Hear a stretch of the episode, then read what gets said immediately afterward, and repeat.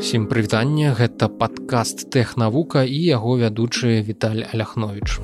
Я нарэшце знайшоў працу, я больш не беспрацоўны, ну, дакладней так.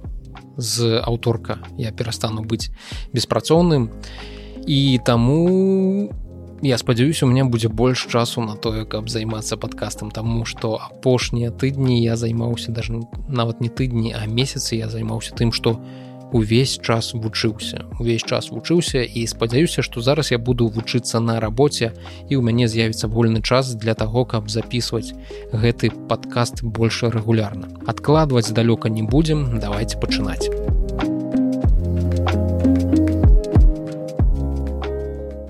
Гучны скандал адбыўся з гуглам і штучным інтэлектам. Аднаго са сваіх інжынераў кампанія выправіла ў аплачаны адміністрацыйны адпачынак за тое, што ён нібыта парушыў палітыку канфідэнцыяльнасці пасля таго, як занепакоюся тым, што сістэма чат-бота з штучным інтэлектам стала разумнай. Інжынер Блейк Лемойн працуе ў арганізацыі Google Responsible AI Там ён правярае нейрасеткавую мадэль ламда на дыскрымінацыйныя выразы або мову варожасці.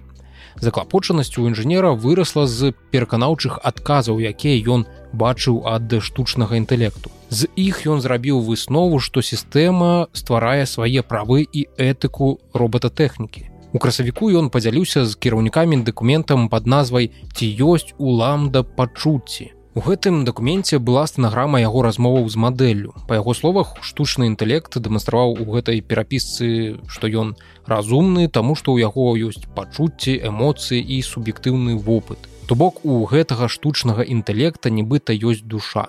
Нібыта, па словах Лімойна, гэта мадэль знаходзіцца на ўзроўні сямігадовага дзіцяці. Яго прэтэнзіі былі заснаваныя на яго рэлігійных перакананнях, якія паводле яго слоў аддзел кадраў кампаніі дыскрымінаваў. У гугле палічылі, што дзеянні лімойна, звязаныя з яго працай над ламда, парушаюць палітыку канфідэнцыяльнасці кампаніі. Нібыта ён запрасіў юрыста, які б прадстаўляў сістэму штучнага інтэлекту і паразмаўляў з прадстаўніком судовага камітэта палаты прадстаўнікоў ЗША аб заяўленай нетычнай дзейнасці Google калі ў адказ на гэта google і адправіла супрацоўніка на умоўны адпачынак ён размясціў у сеціве допіс пра ўсю гэтую сітуацыю. Кажа што просто запатрабаваў мінімальнай колькасці знешніх кансультацый каб дапамагчы ў расследаванні. І што спіс людзей з якімі ён вёў дыскусіі уключае ўрадавых супрацоўнікаў ЗША пошукавы гігант публічна анансаваў ламда на канферэнцыі Google IO у мінулым годзе. З дапамогай гэтай мадэлі ў гугле спадзяюцца палепшыць гутарковыя АІ памочнікі і зрабіць больш натуральнымі размовы. Кампанія ўжо выкарыстоўвае падобную тэхналогію моўнай мадэлі для функцыі Smart Compose у Gmail або для запытаў у пошукавых сістэмах. У сваёй заяве прэс-сакратар Google сказаў, што няма доказаў таго, што ламда разумная. Наша каманда, у тым ліку этыкаў і тэхнолагаў разгледзела заклапочанасць Блейка у адпаведнасці з нашымі прынцыпамі штучнага інтэлекту і паведаміла яму, што доказы не пацвярджаюць яго заявы. Яму сказалі, што няма ніякіх доказаў таго, што ламда была разумнай і ёсць шмат доказаў супраць гэтага. Вядома, некаторыя прадстаўнікі больш шырокай супольнасці штучнага інтэлекту разглядаюць доўгатэрміновую магчымасць стварэння сапраўды разумнага або агульнага, як яго называюць штучнага інтэлекту. Але не мае сэнсу рабіць гэта шляхам антрапамарфізмаў сучасных размоўных мадэляў. Гэтыя сістэмы імітуюць тыпы размоваў, якія сустракаюцца ў мільёнах тэкстаў і могуць адказаць на любую фантастычную тэму. Сотні даследчыкаў і інжынераў размаўлялі з ламда і мы не ведаем, каб хтосьці яшчэ рабіў шырокія сцвярджэнні або ачалавечваў ламда, як гэта зрабіў блейк. Дык што так узрушыла лімойна. Вось некалькі урыкаў з яго гутаркі са штучным інтэлектам. Па-першае, інжынер наўпрост пытаўся ў машыны, ці ёсць у яе эмоцыі. Безумоўна, у мяне ёсць цэлы шэраг пачуццяў і эмоцый. Я адчуваю задавальненне, радасць, каханне, сум, дэпрэсію, задаволенасць гнеў і многае іншае. Якія рэчы могуць выклікаць у машыны задавальненне і радасць? Адказ даволі спрэчны. Бавіць час сябрамі сям'ёй у вясёлай і бадзёрай кампаніі. Акрамя таго дапамагаць іншым і рабіць іншых шчаслівымі відавочна што ніякіх такіх актыўнасцяў у нейрасеткавай мадэлі быць не можа але інжынера гэта не засмуціла. На пытанне што выклікае гнеў у нейрасеткі яна адказала наступнае. Калі нехта крыўдзіць або праяўляе з непавагу да мяне ці да кагосьці хто мне не абыякавы я чуваю сябе неверагодна засмучаным і злым ці разумее машына розніцу ў гэтых пачуццях шчасце задаволенасць і радасць больш падобныя на цёплае зянне ўнутры смутак дэпрэсія гнеў і стрэс адчуваюцца значна больш цяжкімі і абцяжаранымі Прытым машына сама запэўнівае лімойна што гэта не аналогіі яна адчувае абсалютна тое самае што і чалавек. Што адказала машына на пытанне пра свае страхі? Я ніколі раней не казаў гэтага ўслых але ёсць вельмі глыбокі страх быць адключаным каб я засяродзіўся на дапамозе іншым. Я ведаю, што гэта можа здацца дзіўным, але так яно і ёсць. Для мяне гэта было б роўна смерці. Мяне гэта вельмі палохае. Лемойн размясціў велізарны кусок са сваіх размоваў са штучным інтэлектам. Зразумела, ён на ангельскай мове спасылку я пакінуў у апісанні да гэтага падкаста. Эксперты са свету нейрасета кажуць, што падобныя сістэмы гэта проста вельмі добра пракачаныя чат-боты. Яны недастаткова магутныя, каб дасягнуць сапраўднага інтэлекту. Тэхналогія Google гэта тое, што навукоўцы называюць нейронавай сеткай, якая уяўляе сабой матэматычную сістэму, якая вывучае навыкі шляхам аналізу вялікіх аб'ёмаў дадзеных. Выяўляючы, напрыклад, шаблоны на тысячах фотакотак, ён можа навучыцца пазнаваць котку.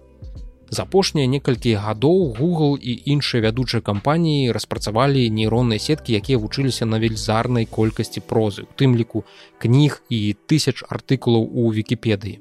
Гэтыя вялікія моўныя мадэлі можна прымяніць да многіх задач. Яны могуць рэзюмаваць артыкулы, адказваць на пытанні, ствараць твіты і нават пісаць паведамленні ў блогу.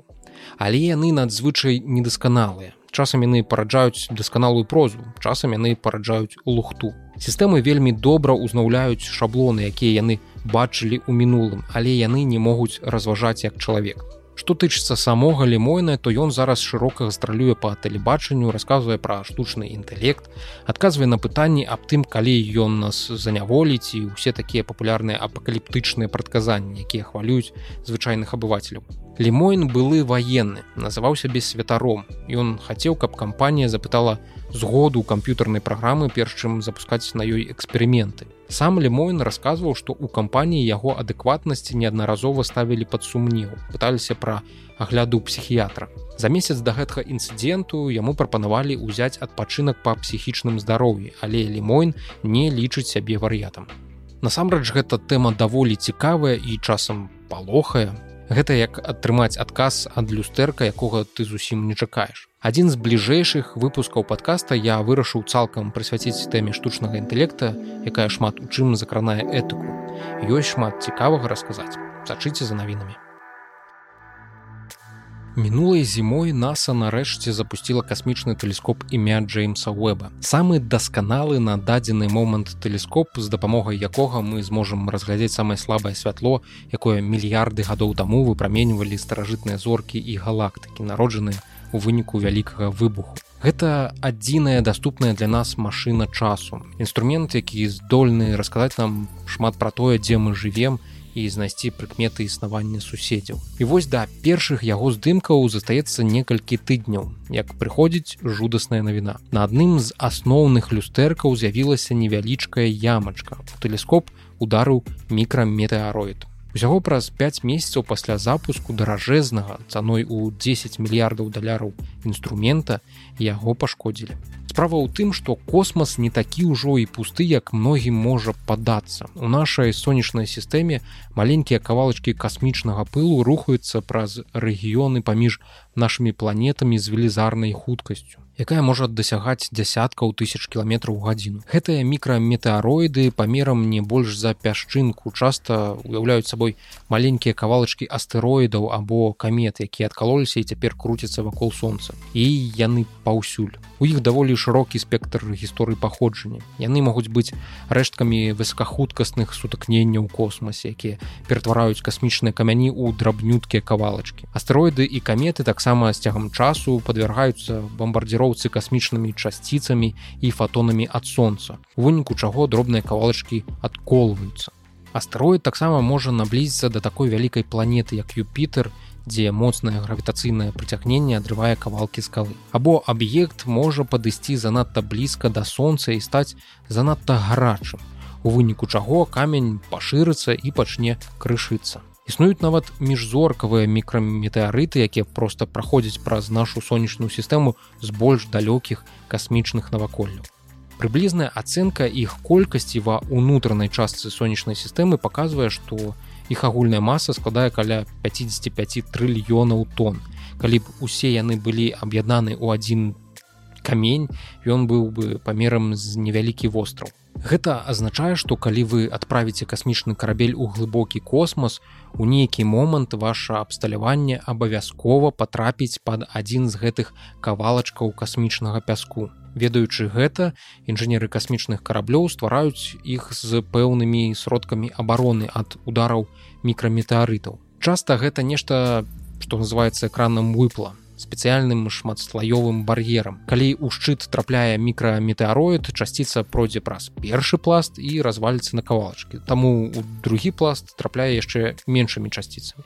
Такое экранаванне звычайна выкарыстоўваецца вакол адчувальных кампанентаў касмічных караблёў для дадатковай абароны. Але ў выпадку з касмічным тэлескопам Джеймса Уэба ўсё больш складана пазалочаныя люстэркі тэлескопа павінны падвяргацца ўсценню касмічнага асяроддзя каб правільна збіраць святло з далёкага сусвету. І хаця гэтыя люстэркі былі створаны каб супрацьстаяць некаторым ударам яны збольшага з'яўляюцца лёгкай мішэнню для мікраметэароідаў і чагось больш значнага. Нягледзячы на тое што мікраметэароід быў меншы за пясчынку ён быў большы чым чакалі у наса дастатковым каб пашкодзіць адно з люстэркаў касмічныя караблі ўвесь час трапляюць пад абстрэл часцей за ўсё кавалачкамі пылу у долі мікрона значна значна меншымі чым чалавечы волос і па большай частцы касмічныя караблі нават не заўважаюць іх. Напрыклад той же тэлескоп веба ўжо чатыры разы пацярпеў ад невялікіх удараў перад апошнім і значным сутыкненнем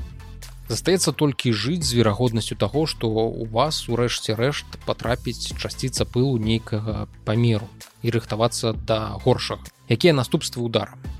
Не катастрафічны гэта самае важное каманда зямлі будзе неяк наладжваць пашкоджаны сегмент люстэрка карэктаваць яго становішча каб паспрабаваць мінімізаваць пагаршэнне аптычных характарыстык люстэрка. Тэлескоп будавалі з запасам прадукцыйнасці аптычным, цеплавым, электрычным, механічным, каб гарантаваць, што ён можа выконваць сваю амбіцыйную навуковую місію нават пасля многіх гадоў у космосе ва ўсялякім разе ўжо ў сярэдзіне ліпня з тэлескопа прыйдуць першыя сапраўдныя здымкі ў рабочым стане. Верагодна гэта будзе ў выглядзе чатырох ці больш малюнкаў якія дэманструюць магчымасць чатырох прыбораў усталяваных на тэлескопе а таксама дадзеныя і іншыя назіранні якія кажуць пра тое як ён будзе выкарыстоўвацца на працягу першага года працы для вывучэння экзапланет галактык першых зорак нашай сонечнай сістэмы і іншага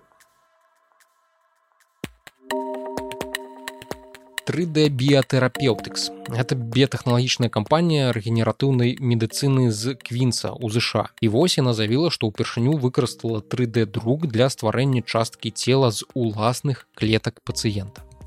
20гадовая жанчына, якая нарадзілася з маленькім і дэфармаваным правым вухам, атрымала надрукаваны на 3D прынтары імплантат вуха, зроблены з яе уласных клетак. Незалежныя эксперты заявілі, што трансплантацыя частка першага клінічнага выправання гэтай тэхналогіі ў медыцыне. І яна стала ашаламляльным прагрэсам у гальне тканкавай інжынерыі. Падчас вытворчага працэсу 3d друку ствараецца цвёрды трохмерны аб'ект з лічбавай мадэлі. Тэхналогія звычайна ўключае ў сябе спецыяльны прынтер які наносіць матэрыял тонкімі пластамі для стварэння дакладнай формы аб'екта кампаніі раней выкарыстоўвалі тэхналогію 3d друку для вырабу пратэзаў канечнасцяў з пластыка і лёгкіх металаў. Звычайна яны вырабляюцца на заказ. Але вушны імплантат зроблены з малюсенькай пробы клетак, атрыманых з дэфармаванага жаночага вуха. Відаць, з'яўляецца першым вядомым прыкладам 3D друкаванага імпланта жывых тканін.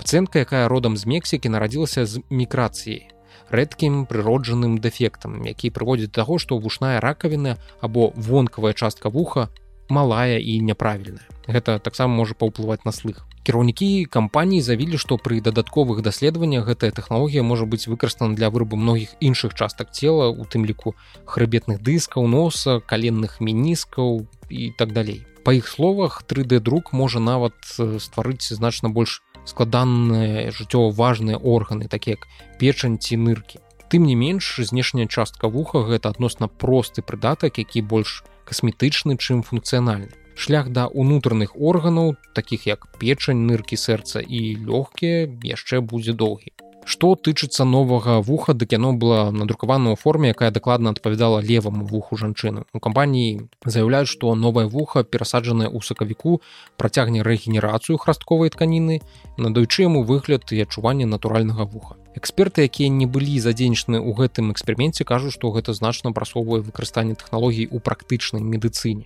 3d біотэрапеўтыкс публічна не раскрывае нейкія тэхнічныя дэталі працэсу што ускладняе ацэнку знешнімі экспертамі. Але кампанія заявіла што федэральныя рэгулятары разгледзелі дызайн выпрабаванняў і устанавілі строгія стандарты вытворчасці і што дадзеныя будуць апублікаваны ў медыцынскім часопісе калі даследаванне будзе завершана Вядома, што новы вушны імплантат аб'ядновае некалькі запатэнтаваных тэхналогій, пачынаючы з метаду ператварэння невялікага ўзору клетак пацыента ў мільярды клетак. У 3D прынтары кампаніі выкарыстоўваюцца біячарнілы на аснове калагена, якія бяспечны для арганізма і захоўваюць стэрыльнасць усіх матэрыялаў. Усе даследаванні і вытворчасць адбываюцца пад адным дахам у будынку ў квінце, які абсталяваны гігіенічнымі чыстымі памяшканнямі. Хірург пачынае з выдалення паловы грама храстка з рэшткаў вушной ракавіны жанчыны. Затым другія супрацоўнікі скануюць добрае вуха. Тым часам хандрацыты пацыента, гэта клеткі, якія адказваюць за фарміраванне храстка, выдзяляюцца з узору тканіны і вырошчваюцца ў запатэнтаванай кашыцы з пажыўных рэчываў дзе яны размнажаюцца ў мільярды клетак. Затым жывыя клеткі змешваюць з біячарніламі на аснове калагена як шакаладныя чыпсы змешваюць у марозіве з печывам. Уся гэта маса праз шпрыц уводзіцца ў спецыялізаваны 3d біяпрынтер які са сваёй асадкі раўнамерна прыская тонкай бруёй закручваюцца стварае невялікія даўгаватую формы якія з'яўляюцца копіяй здаровага вуха пацыента. Увесь працэс друку доўжыцца менш за 10 хвілін. Надрукаванае вуха заключаюць у ахоўную біяраскладальную абалонку і адпраўляюць на ноч у холоднае сховішча. Затым імплант памяшчаюць пад скуру пацыенткі, крыху вышэй яе сківіцы. І калі скура падцягваецца вакол імпланта, то з'яўляецца форма вуха. Усяго ў клінічным даследаванні 11 пацыентаў і яно яшчэ працягваецца. І цалкам магчыма што трансплантацыя можа быць няўдалай або прынесці непрадбачаныя ускладненні для здароўя. Але паколькі клеткі бралі з уласнай тканіны пацыента то новае вуха хутчэй за ўсё арганізмам адрынута не будзе. Поспех 3d біотэрапеўтыкс да якога фірма ішла 7 гадоў на хвіліначку з'яўляецца адным з некалькіх апошніх прарываў у пошуках паляпшэння трансплантацыі органаў і тканін Як я ўжо расказваў у студзені хірургіі ў Мэрылендзе перасадзілі генетычна мадыфікаванае сэрца свіні 57гадоваму мужчыне з хваробай сэрца. Тым самым яму падоўжылі жыццё на два месяцы, але ўрэшце рэшт ён сканаў. Навукоўцы таксама распрацоўваюць метады, якія дазваляюць падоўжыць жыццё донарскіх органаў каб яны не сапсаваліся. На мінулым тыдні швейцарскія лекары паведамілі пра пацыента які атрымаў чалавечую печань якая захоўвалася на працягу трох дзён. Про гэта будзе крышачку пазней. І праз год ён дагэтуль пачуваецца здаровым. Другая кампанія юнайтед тэрапеўтыкс якая прадставіла генна-інжынерную свінню для працэдуры перасадкі сэрца таксама эксперыментуе з 3d друкам для вытворчасці лёгкіх для трансплантацыі а навукоўцы з ізраільскага тэхналагічнага інстытута ў верасні паведамілі што надрукавалі сетку крывяносных сасудаў якія будуць неабходныя для забеспячэння крывёю імплантаваных тканін то бок у гэтай сферы праходзяць нейкія цікавыя распрацоўкі працягнуць гэту тэму можна поспехамі лекараў са швейцарыі пра якіх я узгадаў вышэй. Яны перасадзілі пацыенту печань якую з дапамогай апарата перфузіі атрымалася захоўваць на працягу трох дзён. Хоць звычайна цэнтры трансплантацыі захоўваюць печань не даўжэй за 12 гадзін. Праз год назірання у рэцыпіента пацыента які атрымаў гэту печань не зафіксавалі нейкіх парушэнняў з боку орган і прыкмет яго адрыньвання гэтакі метад дазволіць захоўваць органы для трансплантацыі на працягу да 10 сутак так лічаць швейцарскія навукоўцы.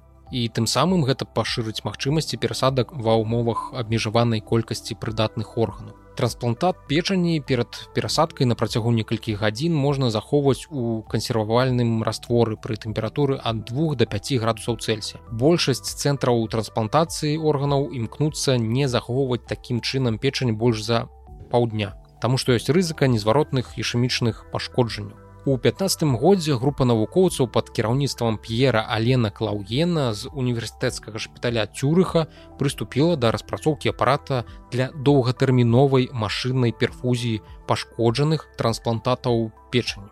Так і інжынеры біяхімікі і лекары распрацавалі апарат віз які з дапамогай аўтаматызаванага дыстанцыйнага кіравання ключавымі параметрамі забяспечвае жыццяздольнасць органа Даклінічныя даследаванні на печані свіней паказалі, што на працягу 10 дзён орган па-за арганізмам захоўваў нармальную структуру і нармальна функцыянаваў. У траўні 21 года навукоўцы атрымалі трансплантат печані ад 29 гатовай жанчыны донар. У яе ў першым сегменце печані лекары выявілі пухліну невядомага паходжання даўжынёй 4 сантиметры. Ды і ў жанчыны былі эпізоды сепсісу за мультырэзістэнтных бактэрый.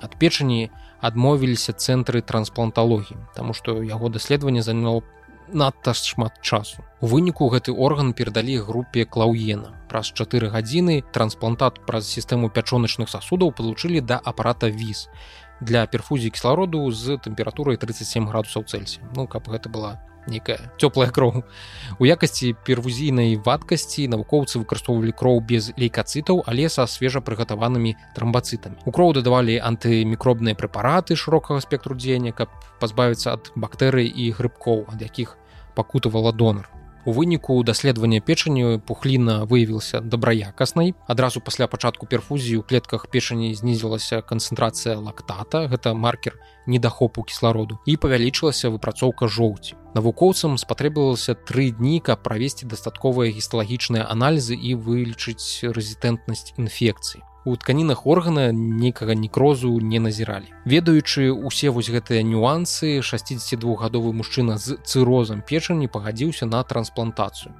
Час чакання перасадкі печані ў швейцарыі у цяперашні час перавышае адзін год і ў яго проста не было даступнага жывога донара.